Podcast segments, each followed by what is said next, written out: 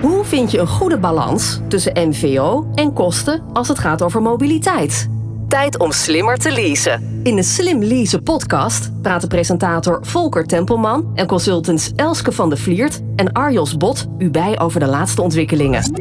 Welkom bij de Slim Leasen podcast. Deel 64 van de Slim Leasen podcast. Elske en Arjos, welkom. Dankjewel. Luisteraars, jullie ook van harte welkom. We horen graag wat je van de podcast vindt. Als je wilt reageren, dan kan dat dan dus ook heel makkelijk. Bijvoorbeeld op LinkedIn. Laat gewoon van je horen en tag ons in je bericht. In deze podcast is ons onderwerp wat gaat de nabije toekomst brengen? Een vooruitblik door jullie, Elske en Arjos. Want uh, jongens, uh, 2022 staat voor de deur. Wat verwachten jullie van het uh, komend jaar? Als we het alleen al hebben over de energietransitie bijvoorbeeld, Elske.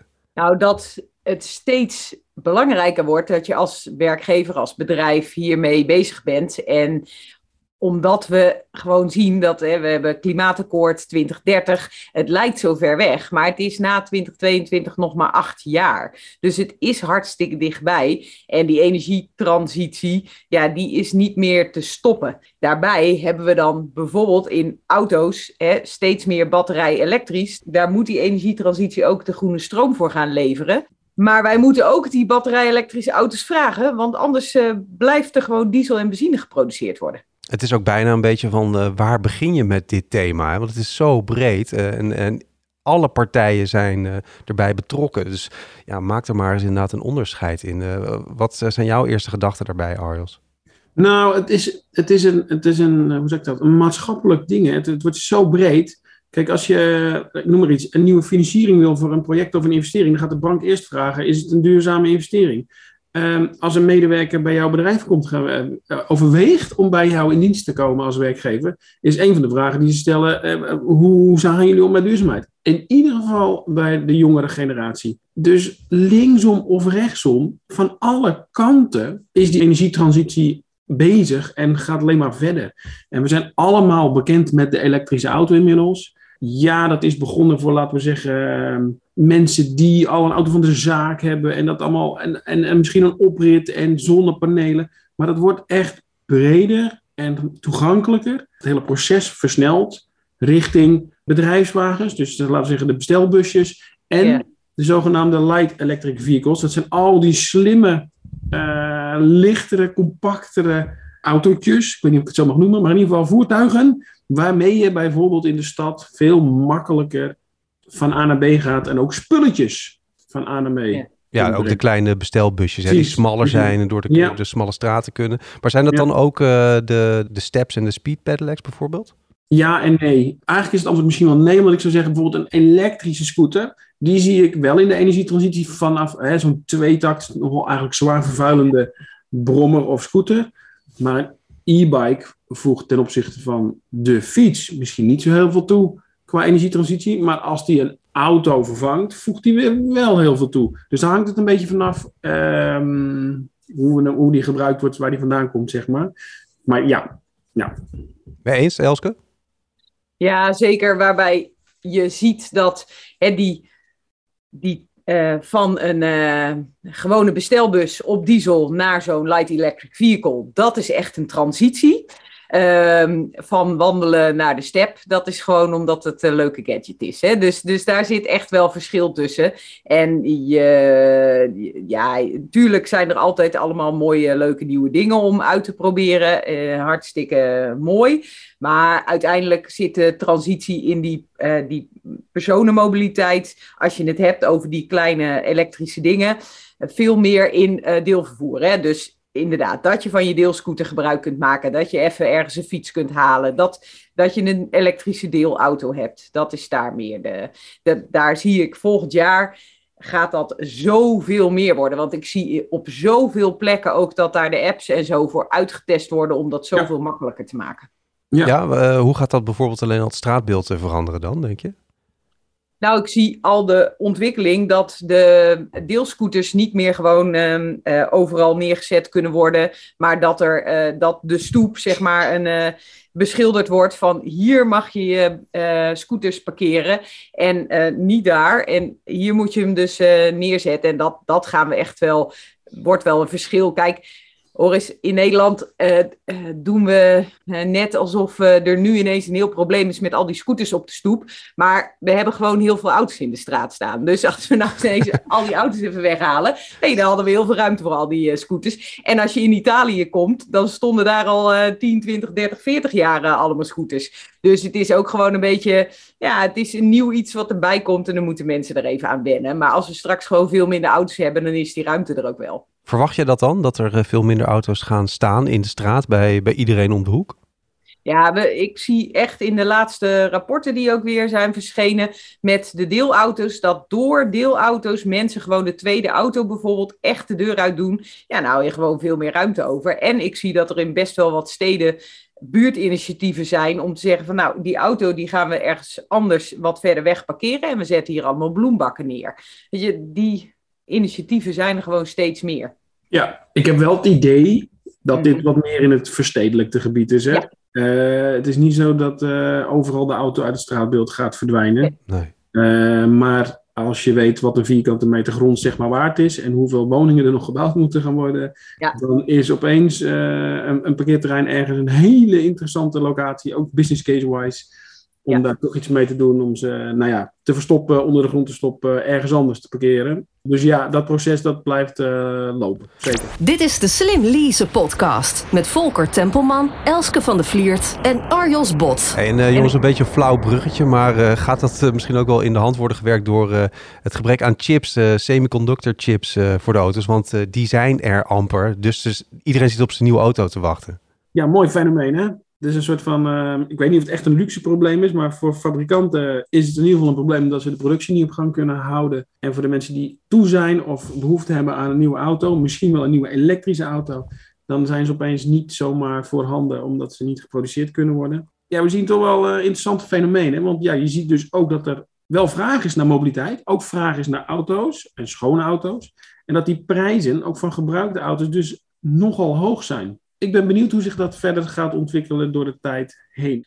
En dat is ook wel een beetje zorgelijk, hè? want dit gaat er wel voor zorgen dat oude auto's langer blijven rijden. En dat zijn niet de schone auto's. Dus, en ze gaan ook steeds meer verbruiken. Dus het is wel, uh, ja, het is wel iets waar we echt wel. Nou, de mensen krijgen er last van omdat ze geen auto kunnen kopen. Of omdat die hartstikke duur wordt. En we krijgen er als mensheid last van omdat er veel meer oud spul blijft rijden.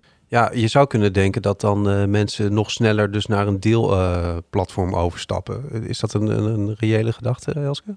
Ja, inderdaad. Of, of toch weer meer van de fiets gebruik maken. Of toch weer meer van het OV uh, gebruik ja. maken. Daar, daar, maken mensen binnen het OV zich best wel zorgen over. Uh, hè, rondom Amsterdam bijvoorbeeld, daar, daar, is de, maar daar is de trein ook een, en het OV in het algemeen een hele goede oplossing. Maar je gaat dus, waar we het net ook over hadden, hè, verstedeling versus regionaal. Misschien worden die verschillen, en dat denk ik eigenlijk wel, nog steeds veel groter. En dat je echt een soort van ja, Oké, woon je in de stad, dan heb je alles goed voor elkaar. Dan is er een maasoplossing, dan is er openbaar vervoer gewoon en dat. En woon je in een dorp, en dat hoeft niet eens zo heel ver vanaf te zijn, ja, dan ben je ineens aangewezen op de auto, maar wil je dan de mhm. stad in? Kost een hoop geld en een hoop moeite. Over volle treinen gesproken, is het wel een mooi bruggetje naar volle wegen. Ik uh, heb toch alweer heel wat blaadjes zien vallen, regen zien vallen, maar ook heel veel rode achterlichtjes en remlichtjes gezien. Oftewel, er stonden weer heel veel auto's achter elkaar uh, op de wegen. Zeker. Hebben we dan echt niks geleerd van corona? Vraagteken. Arjos, we hadden toch de, weer de, de langste file in oktober uh, sinds uh, corona, ja. geloof ik. Ja. Ja, ja. echt. Nou, zeg het maar, hebben we niks geleerd? Als jij om je heen kijkt bij jouw collega's alleen al, Arjos? Nee, dan zou ik zeggen dat we wel iets geleerd hebben. Ja, want één, nou, in ieder geval mijn werkgever, die, uh, ik denk een redelijk gangbaar beleid. Dus uh, laten we zeggen 60% uh, op kantoor en 40% thuis. Dus drie dagen en twee dagen thuis. Dus dat is, dan ga je dus minder naar kantoor dan voor corona, zeg maar. En ook qua flexibiliteit, qua aankomen en vertrekken. Ja, dat is en weet je, als je vroeger om vijf in huis ging, werd gewoon gezegd: joh, heb je een vrije middag? Nou, dat is echt niet meer. Dat is, gewoon, dat is echt gestopt. Nee. Iedereen snapt dat je op enig moment komt en op enig moment gaat, afhankelijk van je agenda. Um, dus ja, we hebben iets geleerd, maar blijkbaar. Dat nieuwe werken ja. zit er wel in, uh, tot op zekere hoogte. Alleen dat zie je nog niet per se terug op de snelweg uh, ja. als je kijkt naar de files. Ja, maar ja, misschien rijden er ook wel heel veel meer auto's met pakjes rond, omdat we met z'n allen nog steeds massaal geleerd hebben om online dingen te bestellen. Uh, en we blijven natuurlijk een soort van wegwerp- en consument, consumeermaatschappij. Ja, het moet wel allemaal uh, verplaatst en gebracht. Waar ik denk dat we in oktober ook wel echt last van hadden, is dat we zo blij waren dat we weer uh, uh, fysiek konden afspreken. Ja, dat er ook heel veel fysiek werd afgesproken. Voor dingen waarvan we dan, als we die schok eenmaal hebben gehad, misschien zeggen: Oh, nou ja, weet je, laten we dat overleg toch alsjeblieft maar gewoon online doen. Hè, waarom zouden we in de auto stappen? Maar dat we, ja, we waren er zo aan toe om elkaar weer te zien dat het. Uh, ik heb het zelf uh, in een. Uh, ik ben voorzitter van de commissie die de veiligheidsrichtlijnen voor lithium-ion batterijen ontwikkelt. Mm -hmm. Ook een belangrijke ontwikkeling, overigens, als we hè, de, al die elektrische auto's gaan parkeren, maar ook al die. bedrijven moeten accu's de, misschien een keertje kunnen wisselen. Dus dat heeft ook met die energietransitie te maken. En wij, ook in oktober hebben we een fysieke bijeenkomst. Terwijl we, die hele commissie is nog nooit fysiek bij elkaar gekomen. Dus het is eigenlijk wat dat betreft helemaal niet nodig. Maar er is zo'n behoefte aan ja. dat wij gewoon het voor elkaar krijgen om allemaal te gaan reizen. Ja, dat is een mooi voorbeeld. En wat denk je dat dat ook uh, gaat doen met het uh, mobiliteitsbeleid van werkgevers, Elske? Ik denk dat die wel veel meer gaan zien hoe weinig mensen gedaan krijgen als ze in de auto zitten. Dus dat dat wel een wake-up call misschien nog niet eens de werkgever zelf, maar meer de werknemer, dat die zegt van, oh ja, hé, hey, wacht, ik kan zes vergaderingen op een dag doen als ik gewoon achter mijn computer blijf zitten. En nu kan ik er ineens maar drie doen. Maar ik wil al die andere mensen ook spreken. Dus ik denk dat daar wel, nou, ik hoop dat daar echt wel wat in gaat veranderen. Dat we niet weer teruggaan naar het oude. Ars, wat zijn jouw gedachten daarbij? Nou, ik heb al eerder uh, zorgen gemaakt over de mate van productiviteit die ik nu heb, zeg maar, door van de ene videobelachtige afspraak naar de volgende te gaan, versus uh, hoe je dat doet als je fysiek onderweg gaat en of weer uh, collega's, zeg maar, fysiek treft. Mm -hmm. Want ja, weet je, ik werk echt naar eer en geweten, maar je maakt gewoon af en toe een praatje, je komt iemand tegen of er wordt een geintje gemaakt of en in de auto ergens naartoe. Ja, het is gewoon echt minder productief. Ik ben, je hebt gewoon minder ja. productieve uren. En dat gaat uh, hard tegenvallen. Dit is de Slim Lease podcast. Overigens, werkgevers krijgen ook te maken, grote werkgevers vanaf 100 medewerkers krijgen ook te maken met de normering werkgebonden personenvervoer. Dus ze zullen er wat mee gaan doen. Ja, daar moeten we het even over uh, hebben inderdaad. Ja. Want uh, Elske, kan je kort uitleggen wat dat ook alweer is en wat we daarmee moeten? Ja, en ik zal het nog één keer herhalen. Normering, werkgebonden personenvervoer. Nou, personenvervoer, dat kennen we, hè? Dat is de auto bijvoorbeeld. Dan is het werkgebonden. Dus het kan woon-werk zijn en zakelijke kilometers zijn.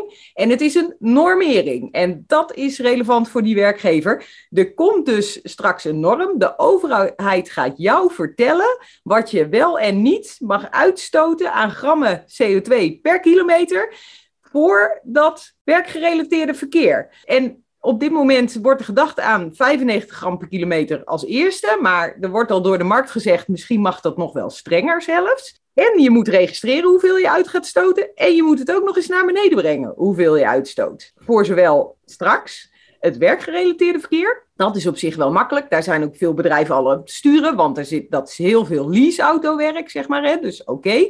Maar woon-werkverkeer, al die mensen die met hun eigen autootje naar jouw bedrijf komen rijden, die zitten daar dan ineens bij. Dan moet je al weten, en dat weten heel veel werkgevers niet, precies wie de auto rijdt, wie er fietst en wie er met het OV komt. Nou, dan moet je het ook nog eens naar beneden brengen. Dus uitstoot. Ja, dit klinkt wel als een administratief enorm uh, uitdagend uh, traject. Het is volgens mij voor werkgevers vanaf 100 medewerkers, toch?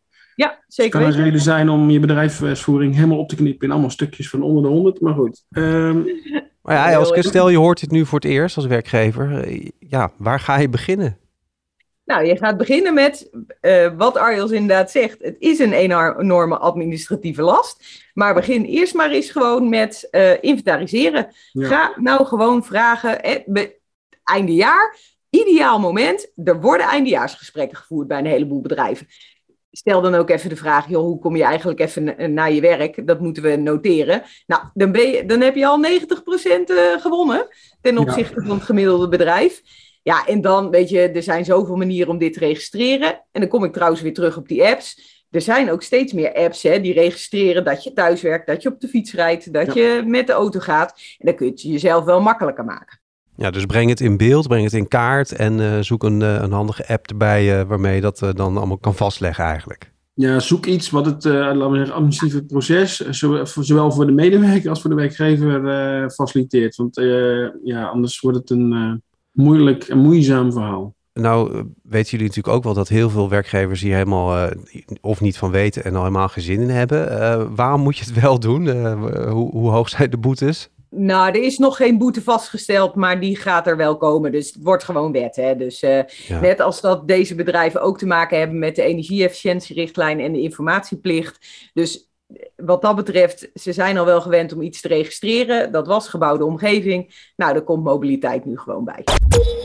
Dit is de Slim Lease podcast. Arjos, ik wil het hebben over de lease sector, want uh, daar zit jij natuurlijk helemaal in. Uh, wat zijn jouw vooruitblikken? Leasen en mobiliteit is natuurlijk breed. Hè? Dus uh, je hebt leasen van auto's, maar je hebt ook leasen van fietsen, scooters. Ehm, dus in brede zin, het wordt allemaal schoner qua directe emissies. Dus allemaal eigenlijk met een stekker. Een bijkomend vraagstuk is, hoe ga je om met mensen die niet thuis kunnen laden? Of uh, zeg maar zakelijke locaties waar je niet of nauwelijks of moeizaam kunt laden. Of waar de verhuurder misschien nog niet mee wil werken aan het uh, investeren in laadinfra. Ja, kijk, dat worden wel um, uh, interessantere thema's. Want ja, mhm. vroeger met twee plug-in hybrides, dan, ja, dan ging je maar gewoon op benzine of op diesel. En dan was het allemaal niet zo spannend. Nu wordt dat wel spannender. Wat een bijkomend, vind ik wel interessant vraagstuk wordt, is dat de bijtelling en het verschil daarin tussen een volledig elektrische of emissieloze auto en een, laten we zeggen, fossiel aangedreven auto, dat verschil wordt steeds kleiner. Uh, sterker nog, dat wordt over een paar jaar is dat gelijk. En dan wordt het een heel interessante, want dan zegt de werkgever, je zult je duurzaam verplaatsen en wij doen alleen maar volledig elektrische auto's. En de medewerker zegt, ja, hou even, met de huidige kennis die we hebben, is de benzineauto qua fiscale waarde, dat zegt niets over de werkelijke maandkosten in de lease, maar de fiscale waarde en dus leidend voor de bijtelling, is die goedkoper. Dus doe mij maar weer gewoon een benzineauto. Dat scheelt mij in mijn eigen portemonnee. Daar uh, ben ik ook heel interessant hoe dat speelveld zich maar gaat ontwikkelen in de komende jaren. Ja, vind ik ook wel een hele interessante. Want er is natuurlijk al langer een maatschappelijke beweging naar dat we met z'n allen, dat heel veel mensen in ieder geval groener willen zijn, duurzamer willen zijn. En dan dus misschien toch kiezen voor uh, de in dit geval duurdere optie, maar schonere optie. Maar dan als je daar als werkgever last van hebt, dan zou ik goed communiceren over wat een auto daadwerkelijk kost. Want inderdaad, dat, dat is wel, oh ja, dat bijtellings, dat is een getal hè. Maar uh, de benzine is uh, ruim 2 euro. dus de, je gaf het al aan hoor, Arjos. Hè? De, de, feitelijk is het niet per se goedkoper om benzine te rijden, maar dat bijtellingsgetal is lager. Dus dan klinkt goedkoper. En, en ik denk dus dat uiteindelijk uh, er wel ingezien gaat worden door mensen dat benzine niet goedkoper is. Alleen dat vraagt van de werkgever ook wel om daar goed over te communiceren en dat inzichtelijk uh, te maken. En ik denk ook nog wel dat we echt wel nog steeds een uh, verlaging van de kosten voor elektrisch gaan zien. En een verhoging van de kosten van benzine en diesel. Zeker ook met strengere uh, wetgeving op uh, wat ze mogen uitstoten. Dit is de Slim Lease podcast. Met Volker Tempelman, Elske van de Vliert en Arjos Bot. Nou, brengt ons richting het einde van deze podcast alweer bij de call to action. Zo naar het nieuwe jaar kijkend. Arjos, wat is wat jou betreft die call to action? Wat nu? Nou, laten we vaststellen met z'n allen dat de wonderenwereld van mobiliteit in ieder geval zeer dynamisch is en dat er heel veel verandert. Als we hier over een paar jaar naar terugkijken, dan is er in de afgelopen jaren, en dus waar we nu in zitten, echt heel veel veranderd. Super gaaf. En daarin moeten we met z'n allen mee. En dat kun je doen uh, als early adapter. Je kunt gewoon een beetje volgen of, uh, laten we zeggen, als allerlaatste. Mijn advies, naar werkgevers en uh, luisteraars van deze podcast toe is: ja, kom in beweging, blijf in beweging en, en onderneem nu actie. Uh, regeren is vooruitzien, maar, maar ga nu kijken: wat kunnen wij met onze eigen organisatie? Wat kunnen we met onze mobiliteitsregeling? Wat kunnen we met onze mobiliteit, überhaupt zakelijke mobiliteit en misschien ook wel breder? En het hoeft echt niet alleen maar over leaseauto's te gaan. Echt in brede zin voor alle medewerkers. Hoe zorgen we ervoor dat we mobiliteit laten bijdragen aan de realisatie van de doelstellingen? En een hele belangrijke op dit moment. En dus een aantrekkelijk werkgever zijn en blijven. Ja, heb je daar uh, hulp bij nodig, omdat je die expertise niet allemaal in eigen huis hebt? Ja, zoek dan uh, contact. Uh, en dat kan natuurlijk met Elske, dat kan met mij. In hoeverre wordt dat ook al heel goed gedaan door werkgevers? Nou, ik kan niet zeggen dat ze de weg naar mij of naar andere partijen zeg maar, niet, niet weten te vinden. Er zijn volop bedrijven die ook communiceren dat ze bezig zijn met nieuw mobiliteitsbeleid en dat bijvoorbeeld in stapjes uitrollen of vol trots zeggen, joh, wij hebben nieuw duurzaam en flexibel mobiliteitsbeleid. Dus de beweging is al lang in gang gezet. En ik vind het heel moeilijk om te zeggen bij hoeveel procent van de werkgevers dit nu uh, speelt. Een percentage is natuurlijk ook eigenlijk helemaal niet van belang inderdaad, maar uh, het is wel goed om te weten dat er uh, voor heel veel mensen nog heel veel te behalen is, maar dat er ook een hele grote groep is uh, die al lekker bezig is. Ja, zeker. Dat ja. wil ik zeker, uh, ja, kan ik bevestigen. Ja. Elske, wat uh, zijn jouw gedachten erbij? Nou, ik vind het mooi dat Arjos een van de twee steeds terugkerende thema's aanhaalt. Het feit gewoon gaan doen. En uh, hoppa, uh, gewoon uh, handen uit de mouwen en het aanpakken. Het andere thema is samen met je medewerkers daarmee aan de slag gaan. Hè. Die moet je echt betrekken, die moet je echt daarin meenemen. Maar ook vragen om input, kijken hoe ze dat het beste kunnen doen. En ook daar weer hè, van op het moment dat je daar nou mee bezig bent, maar je weet niet zo goed hoe je dat zou moeten doen of wat daar handige dingen in zijn, neem contact met ons op. Want ook daarin kunnen we, weten we van andere werkgevers wat ze daarin doen, hoe ze dat aanpakken, welke mooie voorbeelden er zijn en hoe jij dat in jouw organisatie uh, voor elkaar kan krijgen. Dus uh, daar nodig ik uh, de luisteraars graag voor uit om eens van gedachten over te wisselen. Nou ja, normaal gesproken delen we de contactgegevens bij de afsluiting van deze podcast. Maar laten we dat dan gewoon nu doen. Waar kunnen ze jou dan bereiken, Elske? Nou, op van de Vliert, apenstaartje zero-e.nl. En ze mogen ook bellen 06 18 69 08 96. Ja, zo makkelijk is het gewoon. Hè? En uh, Arjos, bij jou hetzelfde? Kunnen ze jou ook gewoon een mailtje sturen om uh, direct in contact te komen? Uiteraard, Volkert. En mijn e-mailadres is arjos.bot.arval.nl. En uh, ja, je kunt ook een berichtje sturen via LinkedIn. En uiteraard kun je mij ook uh, WhatsApp uh, bellen. en ik zal het goede voorbeeld volgen. Mijn 06 is 06 50 60 81 99. Ja, en dat is dus allemaal best wel inhoudelijk uh, over de thema's die we bespreken. Wil je nou wat delen over de podcast zelf? Daar zijn we natuurlijk ook altijd uh, naar op zoek. Deel gewoon wat je wilt delen met ons allemaal. En dat kan via de, de e-mails en de LinkedIn-accounts die genoemd worden. Want Elske, we zijn altijd wel op zoek hè, naar inspiratie. Ja, goede tips, inspiratie, goede sprekers. Als je denkt, ik heb zelf gewoon een goed verhaal hoe ik dit in mijn bedrijf heb aangepakt, meld je bij ons. Dit was hem, deel 64 van de Slim Leasen podcast. Ons onderwerp was Wat gaat de nabije toekomst brengen? Een vooruitblik met Elske en Arjos. Guys, dankjewel. Graag gedaan. Je kan de Slim Leasen podcast terugvinden op slimleasenpodcast.nl en natuurlijk in je eigen favoriete podcast app. Bedankt voor het luisteren. Tot zover deze aflevering van de Slim Leasen podcast. Zorg dat je op de hoogte blijft van alle ontwikkelingen op het gebied van zakelijke mobiliteit en luister ook naar de volgende aflevering.